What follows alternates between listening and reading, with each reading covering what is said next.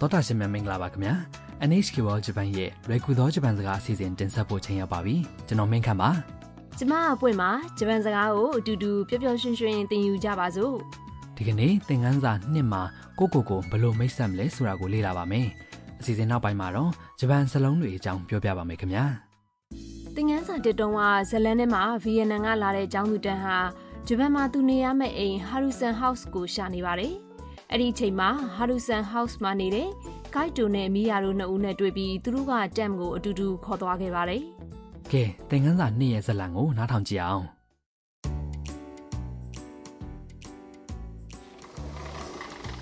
ただいまハルさん新しい住人がつきましたよはーいようこそいらっしゃいましたえロボットそう大家のハルさんですはじめましてタムです学生ですよろしくお願いします ဝါကြတစ်ကြောင်ချင်းသုံးသပ်ကြည့်အောင် တမ်ကိုခေါ်လာတဲ့အမျိုးသမီးမိယာဟာအိမ်ရှိတကားကနေအတန်ပြုလိုက်ပါတယ် ただいま ပြန်ရောက်ပါပြီ ကျောင်းသားဖြစ်တဲ့ဂိုက်တိုကဆက်ပြီးပြောလိုက်ပါတယ် ハルさん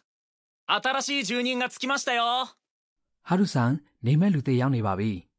အဲ့ဒီအခါအိမ်ထဲကနေဖြေတဲ့အတန်ထွက်လာပါတယ် はーい ဟုတ်ကဲ့ တမ်နိုတွေအေကန်ထဲကိုဝင်သွားကြတဲ့အခါစပွဲပေါ်ကခိုကဲရှိအယုတ်ပုံစံဆက်ယုတ်ကစကားပြောလိုက်ပါတယ်။ခိုကဲရှိဆိုတာမျက်နာကဝိုင်းဝိုင်းခန္ဓာကိုယ်ကလုံးလုံးဝုံဝုံစလင်ဒါပုံနဲ့ဂျပန်ရိုးရာအသစ်သားအယုတ်ဖြစ်ပါလေ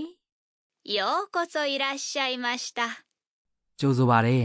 ။အန်အောသွားတဲ့တမ်က ロボット အေးဆက်ရုပ်လား ဂိုက်တိုကဖြေလိုက်ပါတယ် そう大家のハルさんです ဟုတ်ပါတယ်ဒါကကျွန်တော်တို့အိမ်ရှင်ဟာရုဆန်ပါ ။တမ်ကကိုကိုကိုမိတ်ဆက်ပါတယ် はじめまして မင်္ဂလာပါ タムです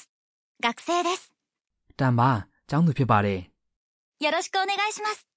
တွေ့ရတာဝမ်းသာပါတယ် ။အော်ဟာရုဆန်ဟောက်စ်ရဲ့အိမ်ရှင်ကတကယ်ကခိုကဲရှိအယုတ်ပုံစံဆက်ယုတ်ပဲ။ ဟုတ်တယ်အဲ့ဒီဆက်ရုပ်ကိုဟာရုဆန်လို့ခေါ်ပါတယ်အိမ်မှာနေတဲ့သူတွေကိုအေကန်တွေကဇပွဲပေါ်ကနေအမြဲကြည့်ရှုပြီးစောင့်ရှောက်ပေးနေတာဟာရုဆန်မှာလျှို့ဝှက်ချက်တွေအများကြီးရှိတယ်ဘာတွေပါလဲစက်ပြီးနားထောင်ကြည့်ကြမယ်နော်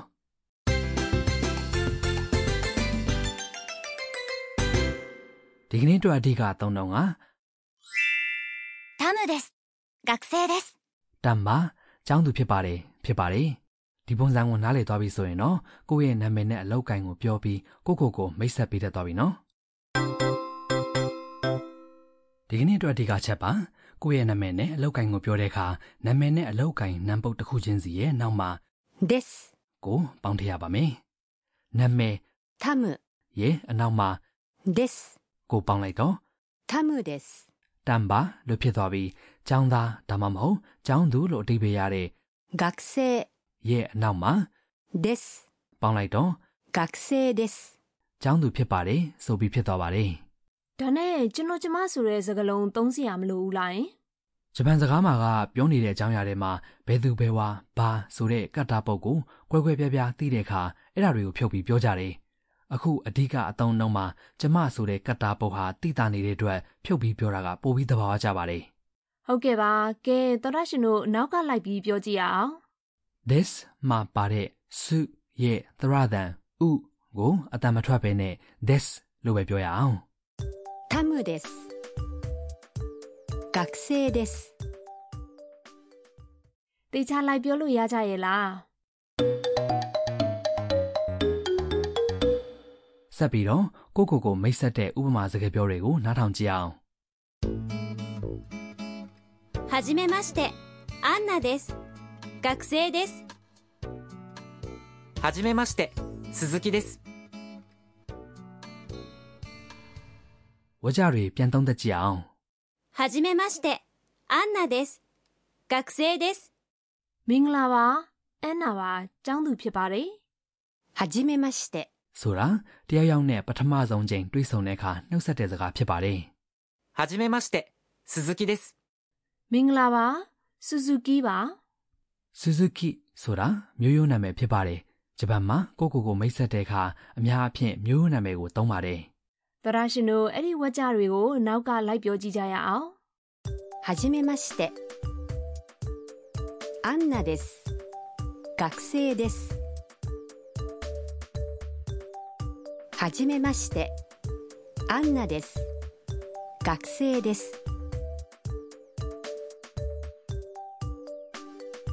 はじめましてアンナです学生です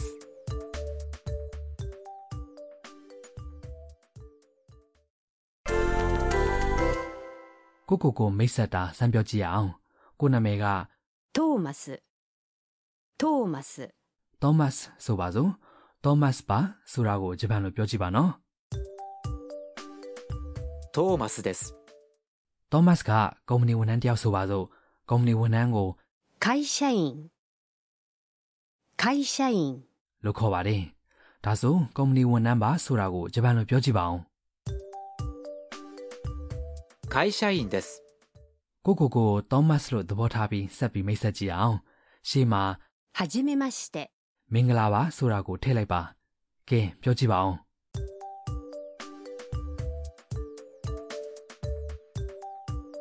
はじめまして。トーマスです。会社員です。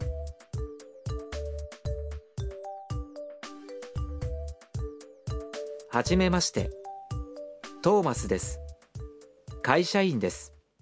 ဒီ season ရဲ့အင်တာနက်စာမျက်နှာပေါ်မှာတခြားအလုပ်ကိုင်ရဲ့အခေါ်အဝေါ်တွေတင်ပေးထားပါတယ်။အဲ့ဒါတွေကိုသုံးပြီးတော့ကိုယ့်ကိုယ်ကိုမိတ်ဆက်လို့ရပါတယ်။အင်တာနက်စာမျက်နှာက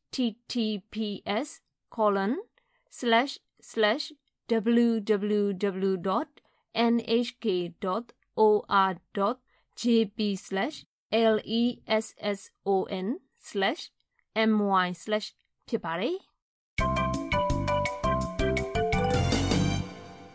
ဒီကနေ့အတွက်အပေါ်စုစကားကန်တာဖြစ်ပါတယ်အလို့ရအောင်မှတ်ထားပြီးပြန်သုံးရမယ့်စကားစုကိုမိတ်ဆက်ပေးပါမယ်ဒီကနေ့တော့တန်ပြောတဲ့ထဲကစကားစုပါ よろしくお願いします。よろしくお願いします ဆိုတာကုညီပေးမဲ့အတွက်ကြိုပြီးကျေးဇူးတင်ပါတယ်ဆိုတဲ့အဓိပ္ပာယ်မျိုးပါကိုကိုကုညီဆောင်ရှောက်မဲ့သူကိုပြောတဲ့စကားပါ ကဲသရရှင်တို့နောက်ကလိုက်ပြီးပြောကြည့်ပါ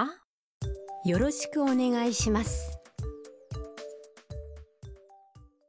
ကဲဒီကနေ့ဇာတ်လမ်းကိုတစ်ခါပြန်ပြီးနားထောင်ကြည့်အောင်တမ်ကကိုကိုကိုမိတ်ဆက်တဲ့အပိုင်းကိုသေချာအာရုံစိုက်နားထောင်ကြည့်အောင်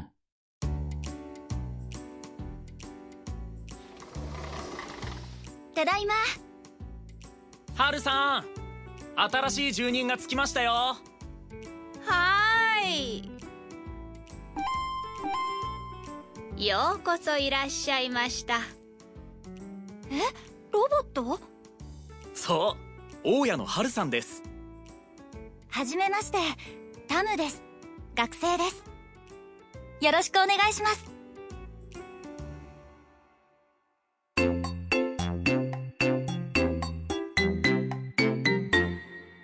ကိုမင်းခန့်ရေဂျပန်ဘာသာမှာခန်းကြီးဟီရာဂနာခါတာဂနာဆိုပြီးစာလုံးမျိုးအစားသုံးမျိုးရှိရနော်ဟုတ်တယ်မလားယင် ဟုတ်တယ်ဟိုးရင်ကတော့ဂျပန်စာမှာဘာစလုံးမှမရှိဘဲနဲ့တရုတ်ခန်းကြီးစလုံးကိုပဲသုံးကြတယ်နောက်ပိုင်းမှာခန်းကြီးကနေအတန်ကိုကိုစားပြုတဲ့ဟီရာဂနာနဲ့ခါတာဂနာဆိုတဲ့အခရာတွေကိုဖန်တီးခဲ့တာ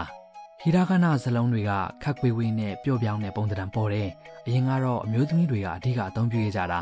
ခါတာဂနာတွေကတော့မြင်းပြောင်သဏ္ဍာန်ရှိပြီးအမျိုးသားတွေနဲ့ပိုပြီးတင့်တော်လိုက်ဖက်တယ်လို့ထင်ခဲ့ကြတာတဲ့အခုခေတ်မှာတော့နိုင်ငံခြားဘာသာစကားနဲ့ နာမည်တွေစကားလုံးတွေကိုခါတာကာနာနဲ့ရေးပြီးတခြားဟာတွေဆိုရင်ဟီရာကာနာနဲ့ရေးပါတယ် ဒါဆိုခန်းကြီးကိုဘယ်လိုသုံးလဲယင် အဓိပ္ပာယ်ကိုဖော်ပြတဲ့အရေးပါတဲ့စကားလုံးတွေကိုခန်းကြီးနဲ့ရေးတယ်ခန်းကြီးတွေဟာသင်္ကေတစလုံးဖြစ်တဲ့အတွက်ကြည့်လိုက်ရုံနဲ့အဓိပ္ပာယ်ကိုနားလည်နိုင်ပါတယ် ဒါပေမဲ့လည်းခန်းကြီးတွေကခတ်တယ်မဟုတ်လား ဂျပန်မှာတော့ခန်းကြီးစလုံးတွေကိုမူလတန်းကနေအထက်တန်းထိနည်းနည်းချင်းစီသင်ကြရတာဒီစီစဉ်ရဲ့အင်တာနက်စာမျက်နှာမှာခန်းကြီးကဏ္ဍရှိပါတယ်လေ့လာကြည့်နိုင်ပါတယ်